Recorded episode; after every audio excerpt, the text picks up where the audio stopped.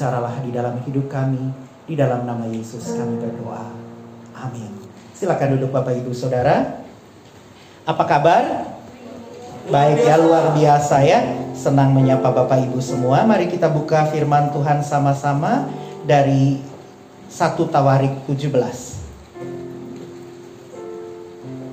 1 Tawarik 17 ayat yang pertama sampai 17. Kita baca sama-sama ya. Ah, saya bacakan buat Bapak Ibu. Bapak Ibu perhatikan di sana ya. Firman Tuhan perikopnya adalah janji mengenai bait suci yang didirikan oleh Salomo. Ayat 1. Setelah Daud menetap di rumahnya, bertaktalah ia, berkatalah ia kepada Nabi Nathan, "Lihatlah, aku ini diam dalam rumah dari kayu aras, padahal tabut perjanjian Tuhan itu ada di bawah tenda-tenda." Lalu berkatalah Nathan kepada Daud, "Lakukanlah segala sesuatu yang dikandung hatimu, sebab Allah menyertai engkau."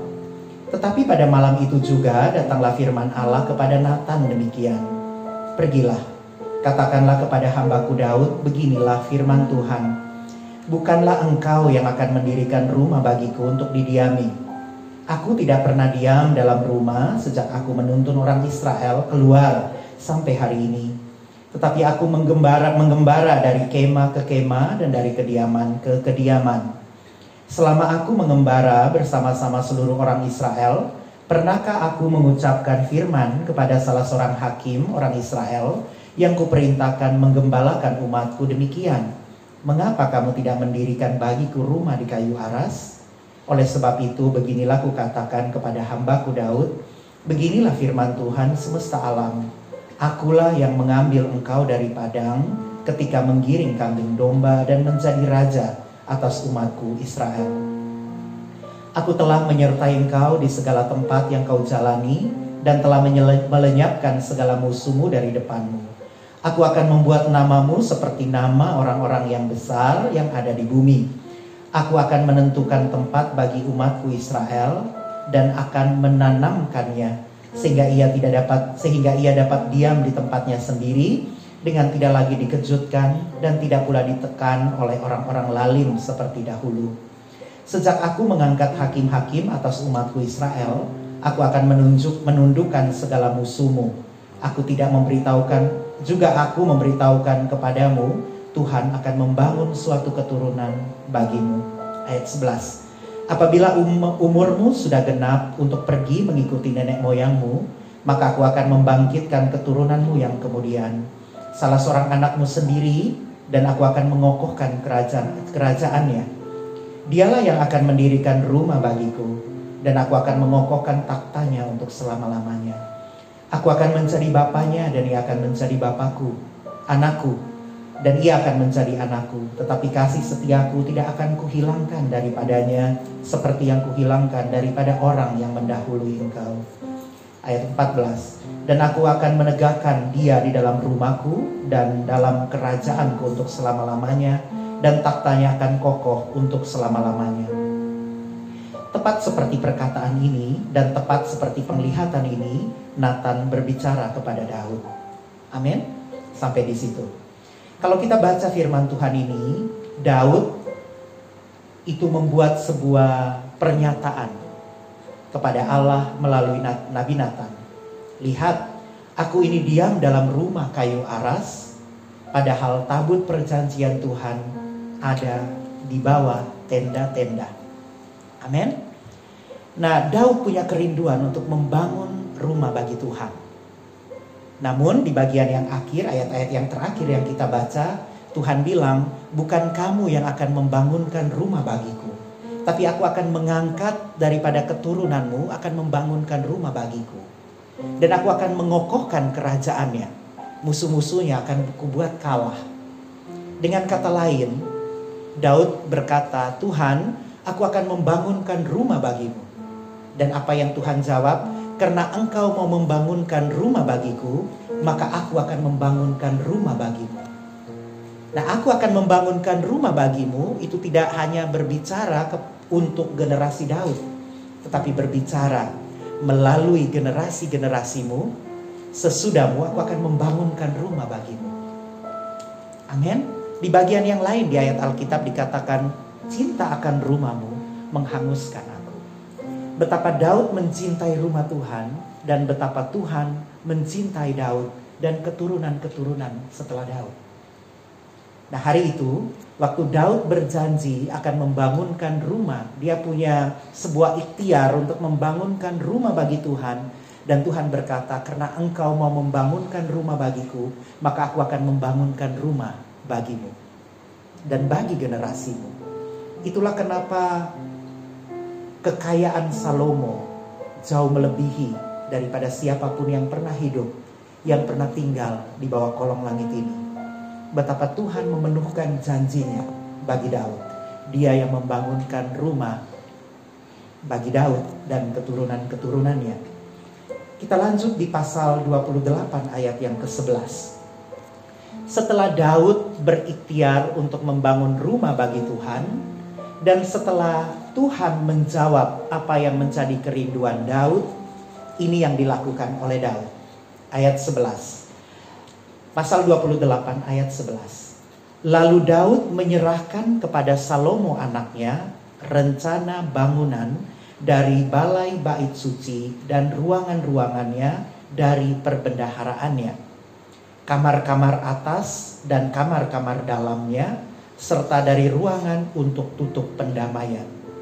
Selanjutnya rencana dari segala yang dipikirkannya mengenai pelataran rumah Tuhan dan bilik-bilik di sekelilingnya mengenai perbendaharaan rumah Allah dan perbendaharaan barang-barang kudus, mengenai rombongan-rombongan para imam dan para orang Lewi, dan mengenai segala pekerjaan Tuhan di rumah Tuhan dan segala perkakas untuk ibadah di rumah Tuhan. Juga ia memberikan emas seberat yang diperlukan untuk segala perkakas dan pada tiap-tiap ibadah dan berikutnya perak seberat yang diperlukan untuk segala perkakas. Jadi Daud tidak hanya sekedar berikhtiar bahwa dia akan membangunkan rumah bagi Allah. Setelah Allah menjawab karena engkau rindu untuk membangunkan rumah bagiku, maka aku yang akan membangunkan rumah bagimu, dia juga membuat perencanaan. Amin. Hari ini kita akan belajar mengenai bagaimana kita membuat perencanaan dalam hikmat-hikmat Tuhan. Penting bagi kita untuk kita membuat perencanaan di dalam hidup kita. Tahun ini adalah tahun mimpi dan penglihatan.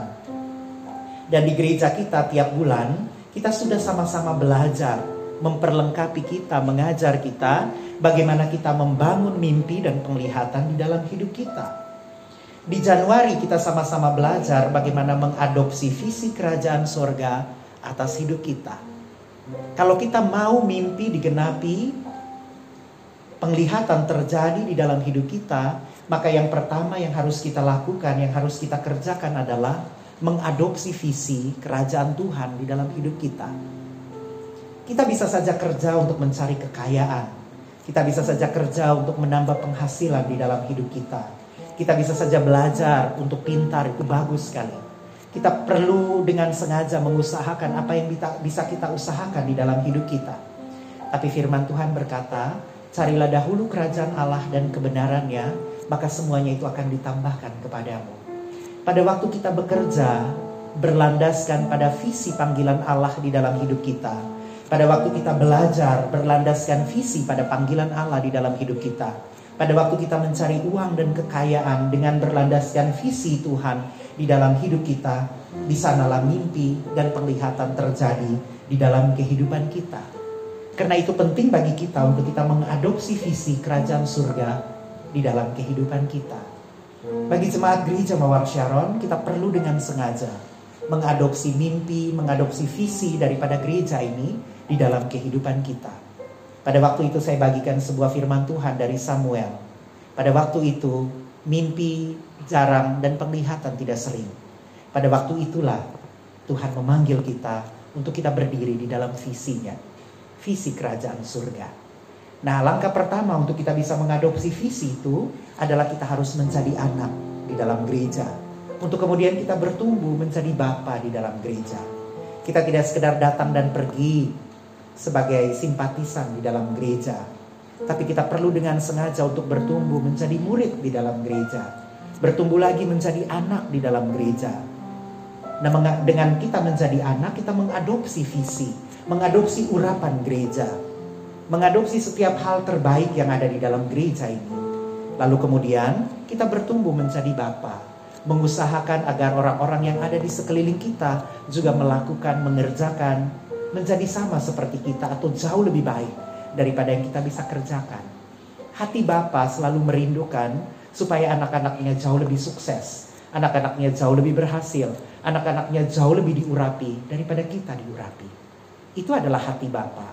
Hati Bapa selalu mengupayakan supaya anak-anaknya mendapat tempat yang lebih baik porsi yang lebih baik daripada kita.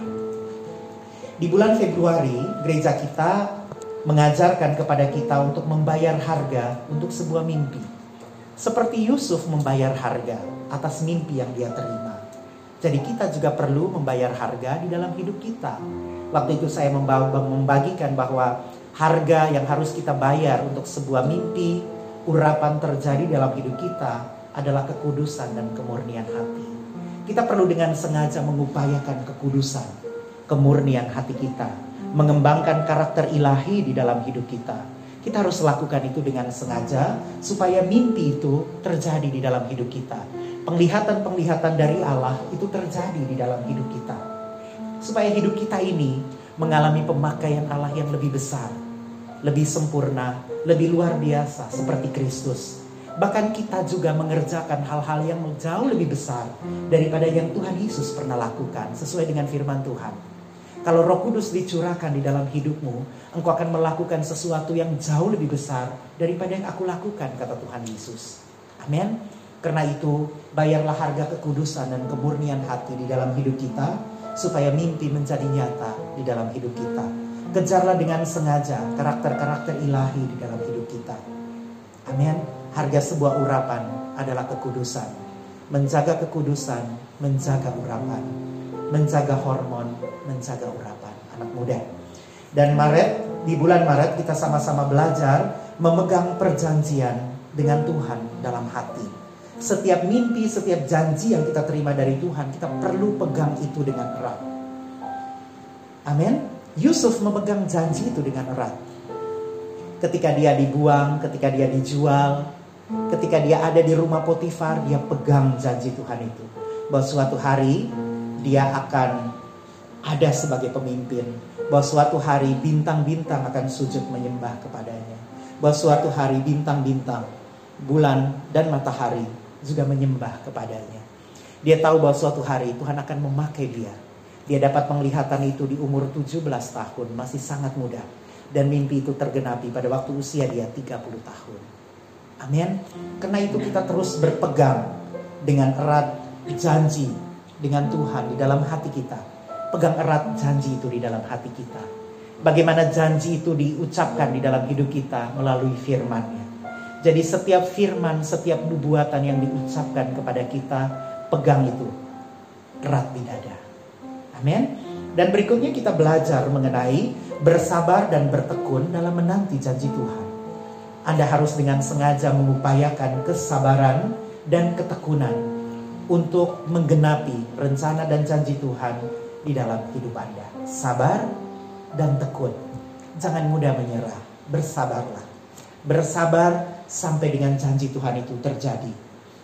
Yusuf ketika menerima janji bahwa dia akan dipakai Tuhan menjadi besar, menjadi pemimpin, menjadi orang kenamaan, dia dimasukkan di dalam penjara. Di dalam penjara dia tetap sabar. Di rumah Potifar dia tetap sabar. Dia tetap tekun mengerjakan apa yang menjadi bagiannya. Di dalam penjara ketika dia menafsirkan mimpi rekan sepenjaranya dan dia dilupakan ketika mimpi temannya itu tergenapi, dia dilupakan, dia tetap sabar mengerjakan apa yang menjadi bagiannya. Bapak Ibu Saudara, mungkin di dalam rumah tangga kita ada sesuatu yang sedang kita perjuangkan bersabarlah di sana sampai janji Tuhan terjadi. Mungkin hubungan-hubungan kita sedang dalam masalah hari-hari ini, bersabarlah sampai janji Tuhan itu terjadi. Jangan sampai kita menyerah di detik-detik terakhir pengenapan janji itu terjadi di dalam hidup kita. Amin. Keluarga-keluarga, hubungan-hubungan, pekerjaan-pekerjaan, usaha dan pelayanan, rencana studi, rencana kuliah. Tetap di sana, bersabar, bertekun sampai sesuatu terjadi di dalam hidup Anda. Bukankah waktu kita berdoa juga kita harus berdoa sampai sesuatu terjadi di dalam hidup kita? Jangan mudah menyerah. Amin. Jangan menyerah kepada keadaan. Jangan menyerah kepada situasi. Amin. Terus jaga hati, jaga hidup kita. Amin. Jagalah hatimu di dalam segala kewaspadaan. Karena dari sanalah terpancar kehidupan. Pada waktu hati kita ini kita tidak jaga kesabaran dan ketekunan kita mengupayakan kekudusan dan kemurnian hati di dalam hidup kita menjadi sesuatu yang berat karena kita salah menilai. Karena kacamata yang kita gunakan kacamata yang salah. Hati yang salah membuat hidup kita menjadi salah. Karena itu sekali lagi jagalah hatimu dengan segala kewaspadaan karena dari sanalah terpancar kehidupan. Kita jaga hati kita supaya kehidupan terpancar dari dalam hati kita. Kalau kita salah jaga hati, apa yang kita lihat menjadi salah. Amin. Penafsiran firman Tuhan menjadi salah. Keputusan yang kita ambil menjadi salah. Rencana-rencana kita menjadi salah. Bahkan orang-orang yang ada di sekeliling kita juga menjadi salah. Karena kita salah setting hati kita. Jadi setting hati. Hati itu harus tetap tetap rendah. Karena urapan mengalir dari atas ke bawah. Berkat juga mengalir dari atas ke bawah. Itulah salah satu hukum yang penting yang harus kita pelajari sama-sama adalah hormatilah orang tuamu. Amin. Bukan hormatilah orang tuamu yang baik. Bukan hormatilah orang tuamu yang kaya. Bukan hormatilah orang tuamu yang berpendidikan. Tetapi hormatilah orang tuamu titik tanpa syarat. Hormatilah orang tuamu. Karena berkat dan pengurapan turunnya dari atas. Dari orang tua jasmani Anda, dari orang tua rohani Anda, dari pemimpin-pemimpin yang Tuhan tempatkan di atas Anda. Amin. Lalu bulan lalu kita sama-sama belajar mengenai melatih telinga roh dan kepekaan. Kita perlu dengan sengaja untuk mendekatkan hidup kita kepada tuntunan Roh Kudus di dalam hidup kita. Karena itu jangan keraskan hati supaya kita itu lembut, supaya kita itu taat, alami pemakaian Tuhan di dalam hidup kita. Supaya Tuhan bisa berbicara di dalam hidup kita. Tuhan tidak berbicara kepada hati yang memberontak. Tuhan hanya berbicara kepada hati yang taat. Hati yang mau tunduk untuk mengerjakannya. Roh Kudus akan berbicara dengan lembut di dalam hati Anda. Tapi ketika Anda mengeraskan hati, Roh Kudus terus berbicara, tapi hati Anda sudah tidak peka lagi. Pendengaran Anda menjadi kabur, pendengaran Anda menjadi setengah-setengah. Seperti Nabi Eli yang pada waktu Tuhan memanggil Samuel. Samuel, Samuel, Tuhan panggil Samuel, Samuel menjawab, ya Bapa, lalu dia pergi kepada nabinya, pemimpinnya. Tapi pemimpinnya tidak lagi peka, sehingga dia suruh tidur lagi, bukan aku yang panggil. Yang kedua, tidur lagi, bukan aku yang panggil. Sampai tiga kali terus dia bilang, tidur lagi, itu suara Tuhan. Kalau dia panggil, jawab, ya Bapak, ini aku. Berbicaralah, aku mendengar. Kenapa harus sampai tiga kali? Karena Nabi Eli tidak lagi bisa membedakan. Karena Saul pada waktu itu masih kecil. Saul belum pernah dengar panggilan Tuhan. Amin. Dan itu semester pertama. Semester kedua kita akan belajar mengenai menjadi berkat bagi bangsa-bangsa. Tadi malam waktu connecting time anak-anak muda adalah tanda di mana saya memencet bel kebangunan rohani anak-anak muda. 99% yang hadir mengalami lawatan Tuhan di dalam hidup mereka. Mereka sangat menikmati hadirat Tuhan. Tanpa musik, tanpa lagu, tanpa bahasa roh. Kita hanya berpelukan aja bisa jatuh. Bisa rebah, bisa jatuh. Ada urapan yang sangat kuat mengalir tadi malam. Tadi malam kita sama-sama menyanyi, mendengarkan lagu India dan Myanmar. Kita sama-sama menyaksikan kebangunan rohani di India dan Myanmar. Dua contoh yang saya ingin bagikan kepada anak-anak muda tadi malam. Waktunya Anda menjadi berkat bagi bangsa-bangsa. Di bulan Juli nanti kita akan belajar bagaimana kita sampai kepada bangsa-bangsa. Itulah kenapa lubuk gaung cinta mula-mulanya Tuhan di gereja Mawar Sharon ini itu sangat profetik. Lubuk gaung dari sesuatu tempat yang tersembunyi akan berbunyi, akan bersuara, akan dinyatakan sampai kepada bangsa-bangsa. Pada waktu kami melihat penglihatan itu, pada waktu kami mendapatkan nubuat itu bahwa dari sini di lubuk gaung Tuhan akan membawa sampai kepada bangsa-bangsa saya antara ragu dan tidak percaya. Saya antara ini benar Tuhan apa bukan ya? Jangan-jangan suara babi di sebelah. Suara ayam di sebelah. Kenapa? Karena kok bisa ya? Saya lihat anak-anak muda apa bisa ya? Tapi hari ini saya sangat yakin sampai kepada bangsa-bangsa. Tuhan akan membawa orang-orang seperti Anda di lubuk gaung yang sederhana. Yang apa adanya. Yang tulus, yang tiada duanya Tuhan akan membawa kesederhanaan Anda untuk mempermalukan orang-orang yang merasa pintar, untuk mempermalukan orang-orang yang merasa kaya, untuk mempermalukan orang-orang di luar sana, untuk mempermalukan orang-orang pintar. Amin. Dari kita tempat yang sederhana ini, dari gereja Mawar Sharon yang sederhana ini, kita akan sampai kepada bangsa-bangsa. Kita yang tidak berpengalaman ini, termasuk saya yang bodoh ini. Tuhan akan membawa kita sampai kepada bangsa-bangsa, membawa Anda dan saya sampai kepada bangsa-bangsa. Amin. Tidak ada yang lebih pintar. Saya juga. Saya dapat satu rema beberapa waktu yang lalu, Tuhan, aku ini dungu, seperti lembu aku ini di hadapanmu. Aku ini bodoh. Tapi kebodohan kita di hadapan Tuhan mempermalukan orang-orang yang merasa pintar di luar sana. Amin dan kemudian menggenapi visi orang tua melalui visi kita. Lalu mengasihi dan mengampuni dalam kuasa sukses kita dan melihat jauh ke depan. Hari ini kita sama-sama belajar untuk membuat perencanaan dalam hikmat-hikmat Tuhan. Penting bagi kita untuk dengan sengaja kita membuat perencanaan dalam hikmat-hikmat Allah.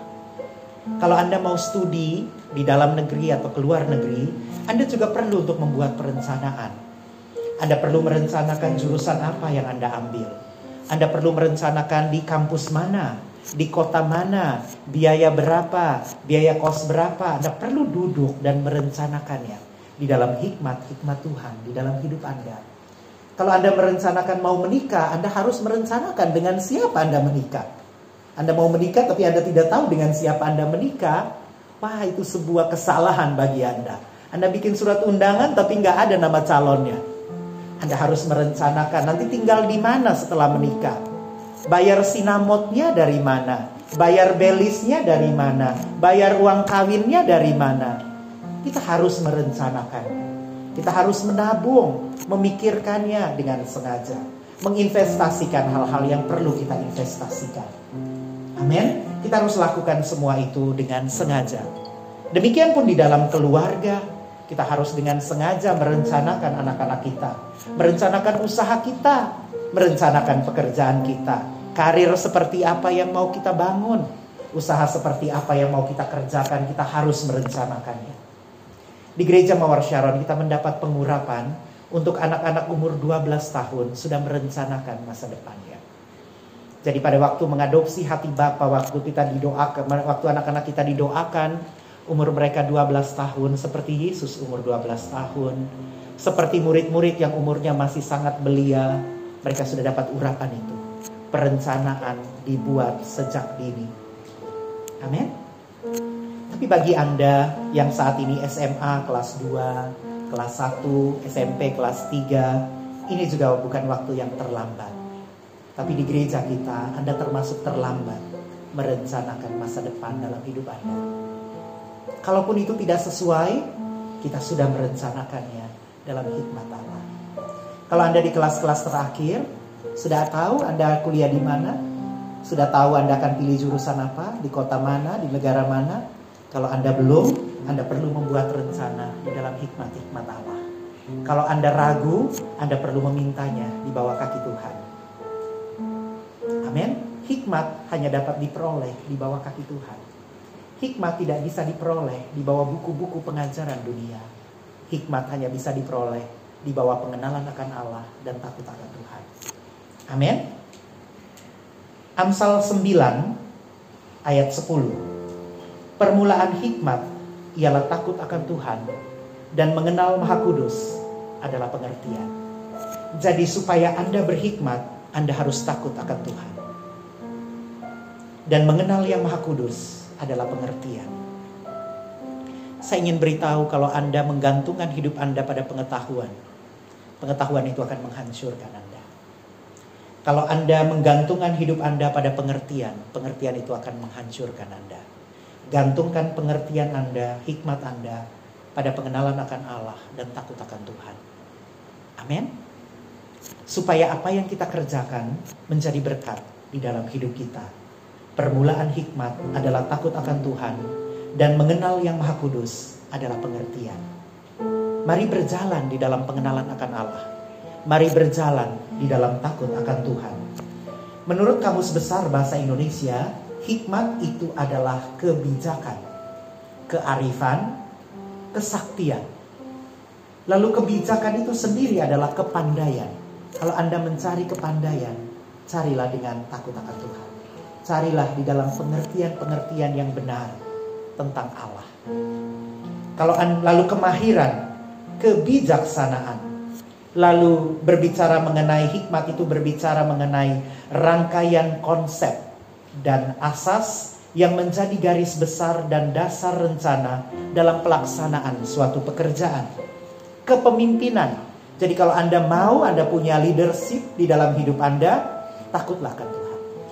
Kalau Anda mau cerdas, takutlah akan Tuhan. Kalau Anda mau pintar, takutlah akan Allah. Dan cara bertindak, pernyataan cita-cita, tujuan, prinsip atau maksud itu yang disebut dengan hikmat. Amin.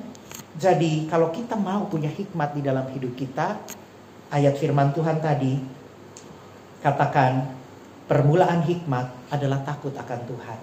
Ini supaya kita tidak salah prioritas. Amin.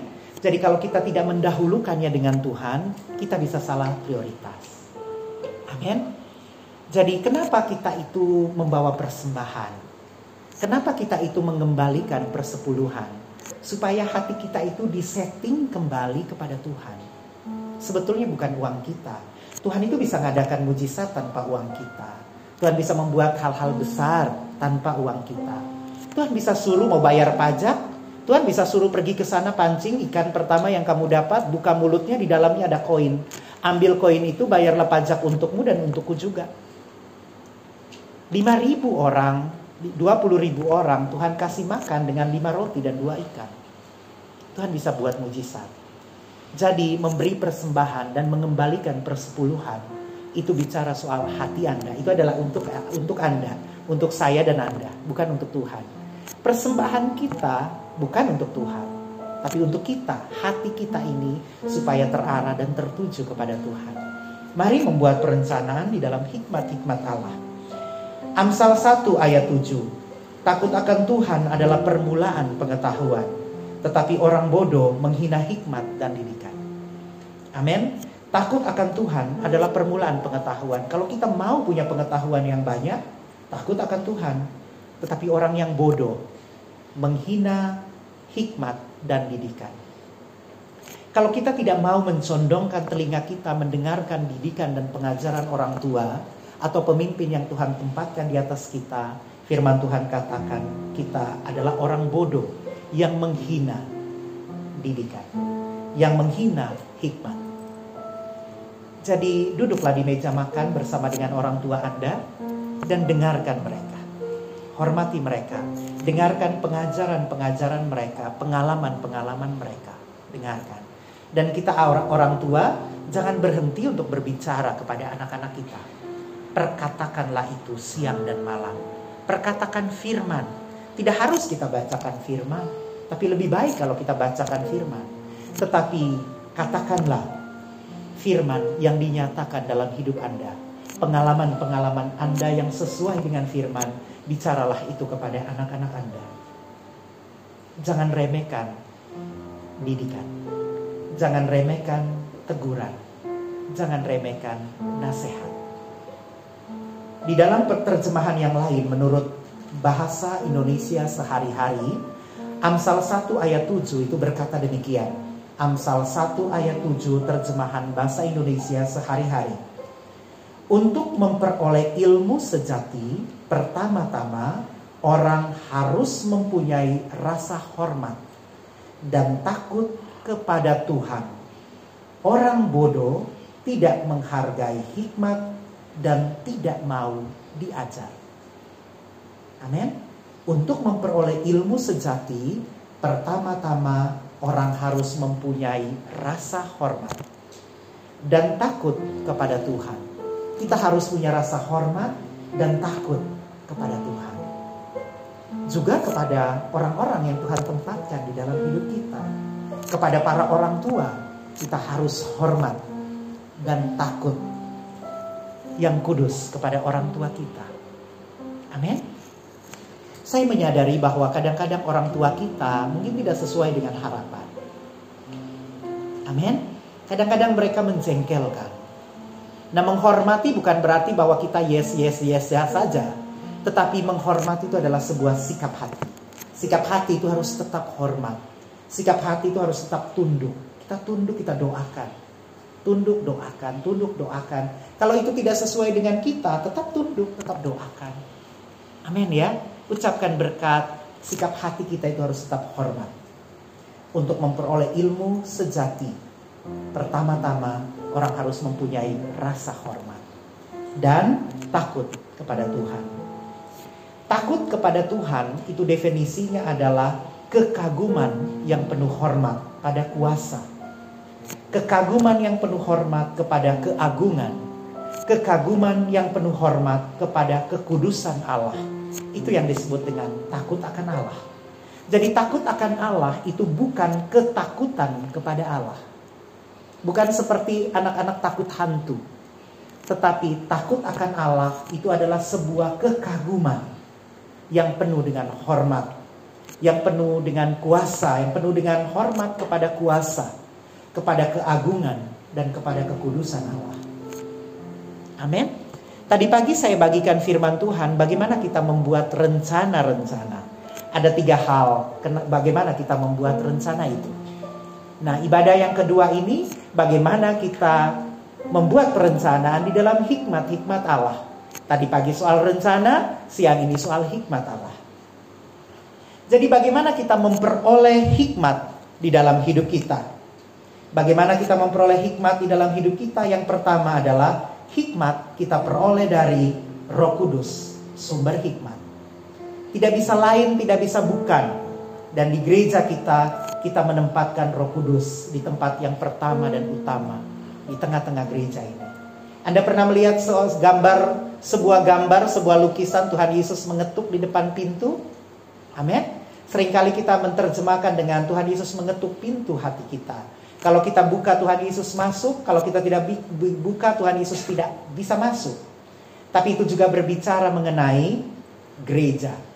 Jadi Tuhan Yesus mengetuk di luar, Roh Kudus ada di luar, sementara kita merayakan Roh Kudus di dalam gereja. Seperti misalnya anak-anak muda merayakan hari ulang tahun saya di dalam rumah saya, Sementara saya ada di luar pagar, mereka nyanyi di dalam sana, tiup lilin, potong kue, tapi saya ada di luar rumah. Seperti kita kalau tidak menempatkan Roh Kudus di dalam hati kita, tidak tidak kita tidak menempatkan Roh Kudus di dalam gereja ini, maka kita sesungguhnya sedang merayakan Roh Kudus. Sementara Roh Kudusnya ada di luar. Amin. Jadi bagaimana kita mendapatkan hikmat di dalam hidup kita adalah dengan bergantung erat kepada Roh Kudus di dalam hidup kita. Amin. Ayub 32 ayat 8 berkata, "Tetapi roh yang di dalam manusia dan nafas yang maha kuasa itulah yang memberi kepadanya pengertian." Jadi pengertian diberikan melalui Roh Kudus di dalam hidup kita. Yakobus 1 ayat 5 berkata, "Tetapi apabila di antara kamu ada yang kekurangan hikmat, hendaklah ia memintanya kepada Allah yang memberikan kepada semua orang dengan murah hati dengan tidak membangkit-bangkit maka hal itu akan diberikan kepadanya. Jadi kalau kita merasa kita ini kurang hikmat, Kalau kita ini merasa kita ini kurang pandai, mintalah hikmat kepada Tuhan. Setelah ibadah ini, tanpa musik, tanpa bahasa roh, tanpa kita mengerang-erang, maju ke depan setiap orang yang rindu untuk mendapat pengurapan hikmat dari Tuhan. Mungkin kita ini belajar, belajar, belajar, tapi kok nggak pandai ya.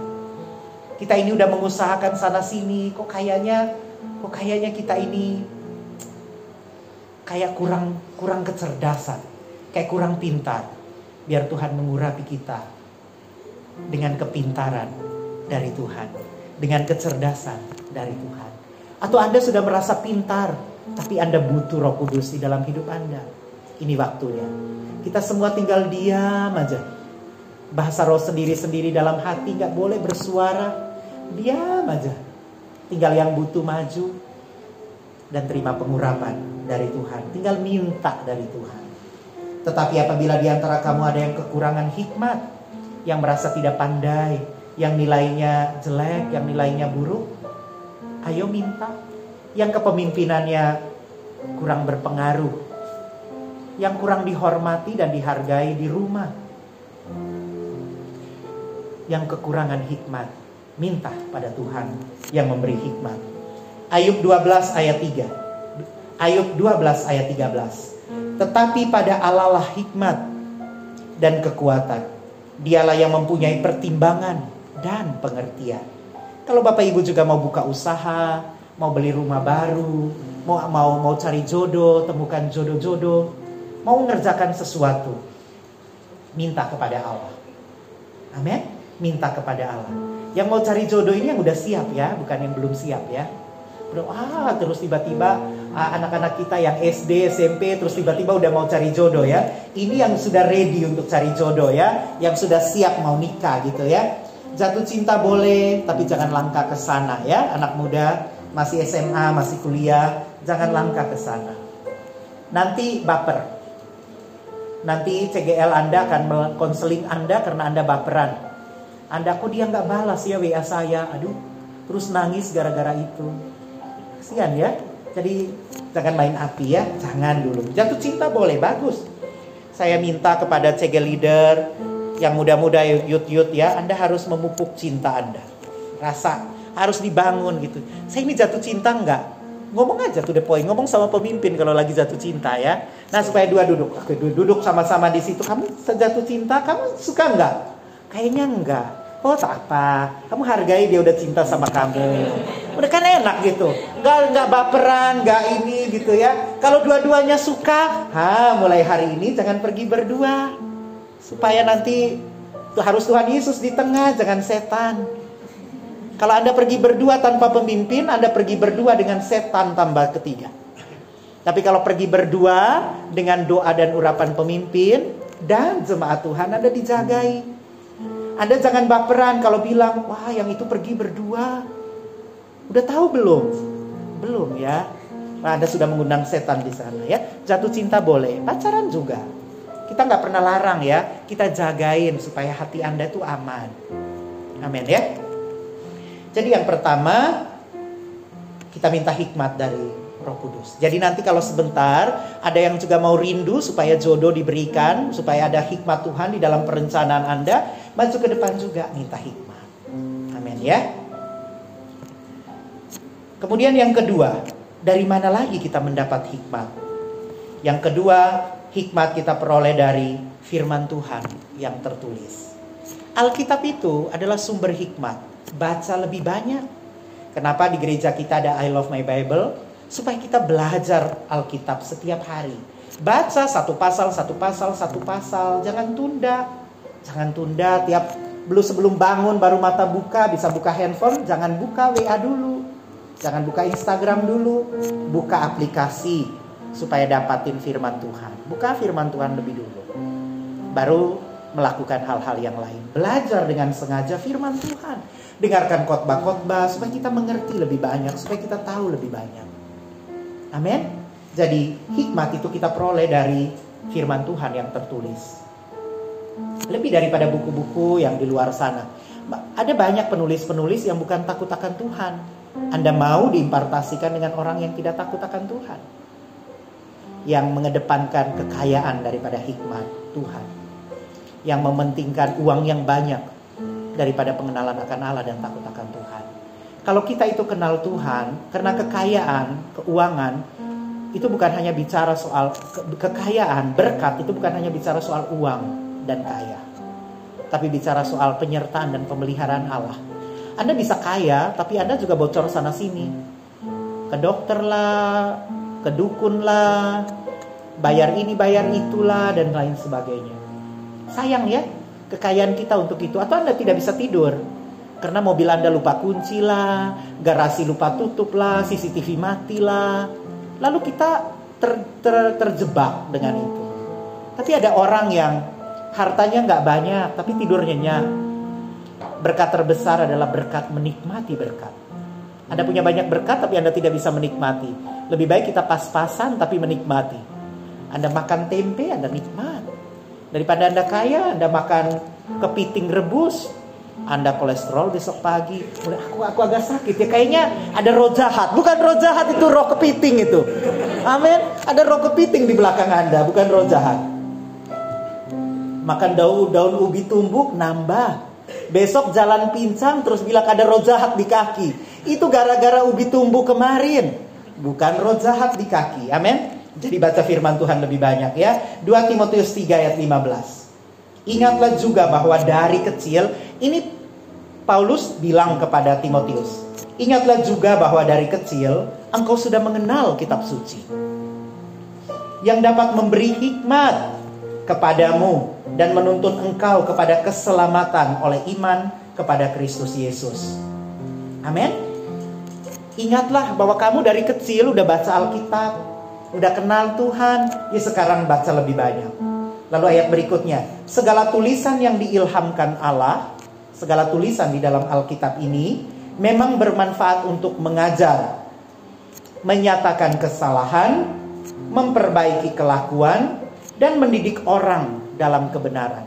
Karena itu firman Tuhan kita nggak boleh pilih-pilih. Oke, 10 cara jadi sukses kita dengarin menurut firman Tuhan. Bagus. Mengelola keuangan menurut firman Tuhan itu bagus. Tapi jangan lupa juga bahwa firman Tuhan itu juga untuk mengajar kita hal-hal yang lain, mengajar kepemimpinan, mungkin juga menyatakan kesalahan-kesalahan kita, memperbaiki kelakuan kita, juga mendidik kita di dalam kebenaran. Cintai firman Tuhan ya. Cintai lebih banyak firman Tuhan. Amin. Hari ini pembacaan kita udah sampai kepada Yosua. Anda sudah sampai Yosua? Harusnya kita semua sudah sampai pada Yosua. Ayo kejar ketertinggalan. Sekarang kita udah mulai dua pasal satu hari baca lebih banyak. Amin, baca lebih banyak. Daripada kita baca buku-buku yang lain itu bagus tapi itu suplemen.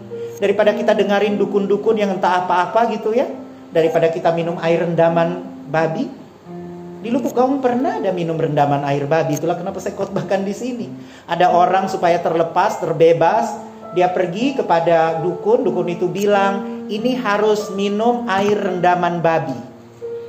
air kubangan babi itu loh babi tidur di situ dia ambil airnya terus dia minum gitu ya kira-kira begitu ya nanti anda tanya kepada jemaat mula-mula di sana mereka suka minum air babi makanya sekarang sehat-sehat segar-segar ya kalau kebanyakan agak miring dia. Gitu ya puji Tuhan udah kenal Tuhan jadi lurus lagi. Kalau enggak kita bisa miring. Saya hampir juga minum itu. Itu ya. Amsal 3 ayat 1 dia bilang gini Hai anakku janganlah engkau melupakan ajaranku. Ya, jangan lupakan ajaran orang tua, jangan lupakan ajaran uh, pemimpin, jangan lupakan ajaran orang tua rohani kita. Para CG leader mengajar Anda, para pemimpin mengajar Anda. Hai anakku, jangan engkau lupakan ajaran mereka. Dan ber, dan biarlah hatimu memelihara perintahku. Pelihara ya, pelihara setiap apa yang sudah diajarkan. Kalau ragu pengajaran itu, ke sana konfirmasi Jangan-jangan kita salah menerjemahkan. Jangan-jangan kita salah menafsirkan. Ke sana bicara. Yang kemarin itu maksudnya apa ya? Karena manusia itu berjalan pada sesuatu yang dianggapnya lurus menurut pengertiannya. Tapi belum tentu begitu. Belum tentu pengertiannya itu yang benar. Di dalam banyak mana sehat ada banyak pengajaran. Jadi nasihat banyak. Gitu ya. Karena panjang umur dan lanjut usia serta sejahtera akan ditambahkan ya kepadamu. Kalau kita dengar-dengaran, panjang umur dan lanjut usia. Panjang umur itu tidak hanya berbicara soal tanggal tahun umur kita. Oh, udah 12 tahun, udah 50 tahun, 70 tahun, tapi efektif dan efisien kehidupan kita. Amin. Jadi panjang umur juga bilang orang ini umurnya cuma 12 tahun, tapi di dalam 12 tahun itu efektif dia kerjakan panggilan Allah. Umur kita juga tidak banyak, tapi kalau kita efektif mengerjakannya. Efektif dikerjakan kalau kita berpengertian, kalau kita punya hikmat, kita punya efektivitas di dalam pekerjaan kita. Janganlah kiranya kasih dan setia meninggalkan engkau. Jangan sampai kasih dan kesetiaan kita menjadi kendor. Teruslah setia, teruslah di dalam kasih. Kalungkan itu pada lehermu, tuliskan itu pada loh hatimu simpan itu di dalam hati. Genggam erat di dada. Ayat 4. Maka engkau akan mendapat kasih dan penghargaan dalam pandangan Allah serta manusia. Jadi biar Allah yang memuji kita. Jangan mulut kita yang memuji kita. Jangan mulut kita yang kayaknya saya ini pintar. Jangan orang jangan kita yang bilang kita ini pintar. Jangan kita yang bilang kita ini kaya. Jangan kita yang bilang kita ini pandai tapi biar Tuhan dan orang lain yang mengatakannya. Kalau kita ini mendapat pujian seperti Tuhan memuji Abraham, sungguh dia ini sahabatku. Dia ini sahabat Allah. Nah justru pujian yang begitu yang dahsyat dan luar biasa.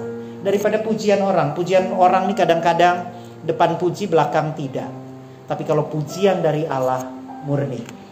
Dan yang terakhir, yang ketiga, bagaimana kita memperoleh hikmat dari gereja dan komunitas. Amin. Jangan lupakan gereja dan komunitas. Kita semua duduk di sini bukan karena kita ini sekedar Kristen. Sekedar kalau hari Minggu ya udahlah kita harus datang ke gereja.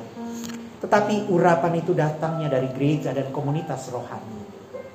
Anda bisa punya teman banyak di luar sana. Tetapi teman-teman yang punya urapan itu ada di dalam gereja, ada di dalam komunitas. Walaupun teman-teman Anda di dalam gereja kayaknya tidak seberapa, pintarnya juga tidak seberapa. Ya kalau kita candain kadang-kadang agak on juga. Kadang-kadang separuh-separuh juga. Aduh yang dibicarakan kayaknya nggak relevan dengan saya. Kita merasa kita hebat. Pergaulan di dalam gereja ini kayak ah ketemu orang-orang mukanya kayak begitu. Kayak tapi ingat yang di situ ada urapannya. Saya bilang ya sejahat-jahatnya orang gereja, di gereja juga banyak orang munafik kok. Di gereja juga banyak orang bobrok. Tapi mereka semua sedang belajar alami pemulihan Allah. Kita semua sedang bertumbuh. Jangan itulah kenapa Tuhan bilang jangan hakimi. Karena semua orang sedang bertumbuh. Tapi di luar sana, orang itu mengasihi Anda, saya tidak jamin mereka tulus dengan Anda. Apalagi kalau Anda punya uang dan kaya. Mereka dekat dengan Anda untuk uang Anda. Mereka dekat dengan Anda karena ada sesuatu yang Anda punyai. Setelah itu mereka melupakan Anda. Saya tidak bilang bahwa Anda harus bergaul hanya dengan di dalam. Enggak. Anda harus berjalan, ber, bergaul dengan semua golongan. Tetapi prioritas pertama Anda adalah gereja dan komunitas rohani. Amin. Itu yang pertama dan utama. Walaupun mungkin waktu Anda lebih banyak di luar, itu juga bagus. Saya saya adalah seorang karyawan bekerja di perusahaan, saya punya waktu lebih banyak dengan orang-orang di luar sana. Tapi saya tidak pernah melupakan orang-orang yang kayaknya separuh-separuh ini. Yang kayaknya tidak sempurna-sempurna ini. Saya lebih blessing ada bersama dengan mereka. Saya diberkati ada bersama. Walaupun kita makannya ya itu-itu juga gitu ya. Mie lagi, mie lagi gitu ya. Kita lama-lama rambut. Rambut saya keriting gara-gara kebanyakan makan mie. Dan dulu lurus loh. Banyak kan makan mie jadi keriting ini, tapi tetap ada di sana. Tetap stay di sana. Wow, saya ketemu dengan orang-orang dalam gereja saya diberkati. Di luar sana saya memberkati. Jangan jangan salah pasang patok. Amin. Jangan salah pasang patok. Bagus. Anda bergaul di luar sana bagus. Saya juga menyarankan Anda untuk bergaul dengan orang di luar sana.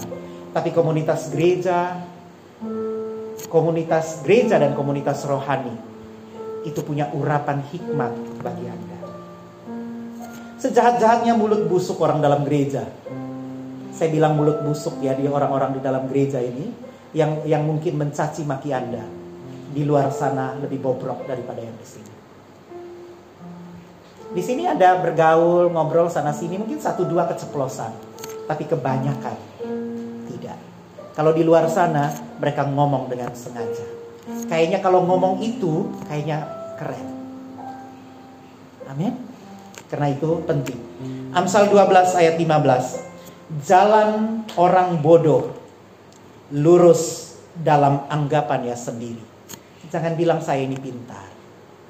Karena saya ini bilang pintar menurut pandangan saya dan itu bodoh. Jalan orang bodoh lurus menurut anggapannya sendiri. Tetapi siapa yang mendengarkan nasihat, ia bijak. Amin. Pasang telinga untuk dengarkan banyak nasihat dua tiga orang menasehati kita, kita menjadi lebih bijak. Saya sekali lagi bilang ya, walaupun CG leader kita nggak pintar, walaupun sponsor kita tidak pintar, walaupun gembala Anda tidak pintar, tapi ada hikmat Tuhan ada di sana. Kalau mereka salah ngomong, biar Tuhan yang akan membereskan mereka. Anda juga bisa ngomong, datang kepada pemimpin yang lain yang bisa dipercayai. Anda bisa berbicara dari hati ke hati sebagai anak berbicara dari hati ke hati. Ngobrol bersama-sama. Amin. Jalan orang bodoh lurus menurut anggapannya.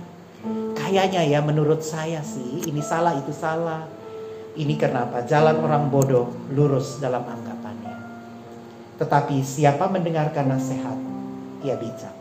Amin ya. Jadilah bijak ya. Dan Amsal 15 ayat 22. Rancangan gagal kalau tidak ada pertimbangan.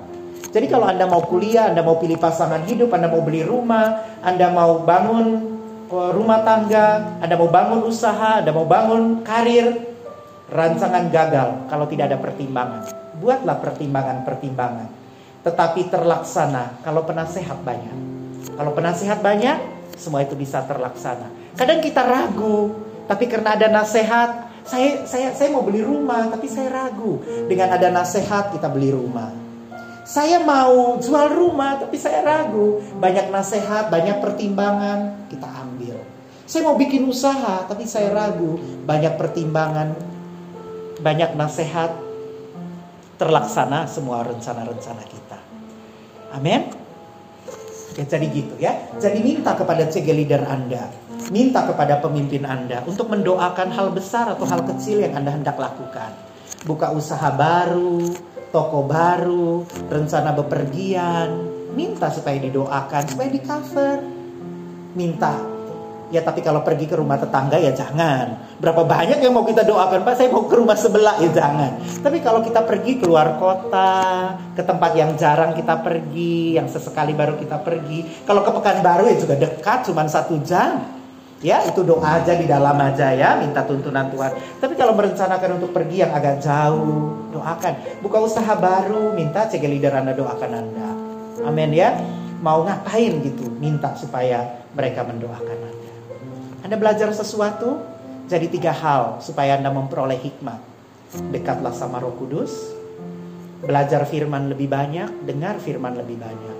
Dan yang ketiga, melalui gereja dan komunitas rohani. Amin. Anda belajar sesuatu, panggilan ini untuk Anda. Kalau Anda butuh hikmat, kalau Anda butuh pengertian, kalau Anda butuh kepintaran, minta kepada Tuhan melalui roh kudusnya. Mari maju ke depan. Gak usah musik, gak usah ada apa-apa. Semua kepala tertunduk, semua mata tertutup. Doa sendiri-sendiri minta hikmat dari Tuhan. Kalau panggilan itu untuk Anda, mari maju. Jangan takut, jangan malu, hikmat diberikan. Pertama, pada hati yang taat, hati yang melepaskan kesombongan untuk keluar dari tempat duduknya dan maju ke depan. Amin. Tim Asyir juga nanti akan bantu ya. Ayo siapa yang mau maju? Saya rindu untuk doakan Anda. Supaya Anda punya hikmat, pengertian yang datangnya dari Tuhan. Mari kalau rindu maju ke depan sini. Perempuan di sebelah mana ini? Iya, laki-laki di sebelah sini ya. Minta lebih banyak. minta lebih banyak. Yang lain doa ya, doa dalam hati. Doa supaya Tuhan beri hikmat lebih banyak. Kita dalam keheningan ini aja ya. Dalam keheningan ini aja. Amin. Roh Kudus rindu untuk menjamamu. Memberikan hikmat di dalam hidupmu. Memberikan kepintaran di dalam hidupmu. Kalau ada orang yang bilang kamu bodoh, mulai hari ini terima kepintaran itu. Kalau nilai-nilaimu jelek, selama ini belajar tapi nggak masuk, nilainya gitu-gitu aja, belajar sana sini, ikut les sana sini, tapi ya begitu-begitu aja, minta kepintaran dari Tuhan. Kalau orang menganggapmu rendah, karena engkau kurang berhikmat, kurang berpengetahuan, minta dari Tuhan. Urapan tersedia bagimu. Ini adalah waktu waktu yang terbaik. Waktu yang terbaik. Saya rasa Roh Kudus ada di di sekitar kita ini. Ini adalah waktunya minta, minta sama Tuhan. Tuhan mau memakai setiapmu lebih lagi. Walaupun orang anggap rendah, orang anggap kamu bodoh, orang menyepelekanmu, tapi hikmat dari Tuhan itu akan membuatmu maju. Membuatmu tidak pernah sama lagi mulai hari ini, waktu Roh Kudus diaktifkan di dalam hidupmu. Kamu tidak pernah sama lagi. Amin. Kamu tidak harus kerja begitu keras sampai kamu tidak punya waktu. Kamu tidak harus belajar begitu keras sampai kamu nggak punya waktu lagi untuk mengerjakan yang lain. Tuhan akan mencukupkan. Hikmat diberikan, kepintaran di, diberikan. Juga kepada kita yang sudah pintar dan kebanyakan merasa pintar. Panggilan ini juga untuk Anda. Kalau Anda merasa Anda pintar, Anda sebetulnya bodoh di dalam Tuhan. Maju supaya minta hikmat yang datang dari Tuhan. Kalau Anda peragu, Anda juga maju supaya Roh Kudus meneguhkan hati Anda, supaya Anda melangkah dengan gagah berani, supaya singa dari Yehuda ada di belakangmu, api yang menghanguskan ada di depanmu. Kalau kamu ragu-ragu, kalau kamu peragu, kamu bikin perencanaan, ataupun kalau kamu yang sudah buka, buat perencanaan, kamu mau kuliah di satu tempat, mau sekolah di satu tempat, kamu butuh tuntunan supaya rencana itu di, dinyatakan di dalam hidup Anda, panggilan itu juga untuk Anda. Pokoknya kalau Anda sedang membuat rencana, Anda mau menikah, Anda mau buka usaha baru, Anda mau beli rumah, Anda mau mau mau punya pasangan, Anda merencanakan apa saja. Tapi kalau Anda butuh hikmat itu datang dari Tuhan, biar inilah waktunya. Yang lain berdoa sendiri, minta apa yang kalian butuhkan. Di dalam hadirat Tuhan ini, Anda mendapatkan apa yang Anda butuhkan. Anda mendapatkan apa yang Anda rindukan. Biar Tuhan menjamamu. Roh Kudus, api yang menghanguskan itu hari ini hadir di dalam angin sepoi-sepoi, hadir di dalam ketenangan. Amin. Saya akan menumpangkan tangan bagi Anda. Yang lain terus jaga hati.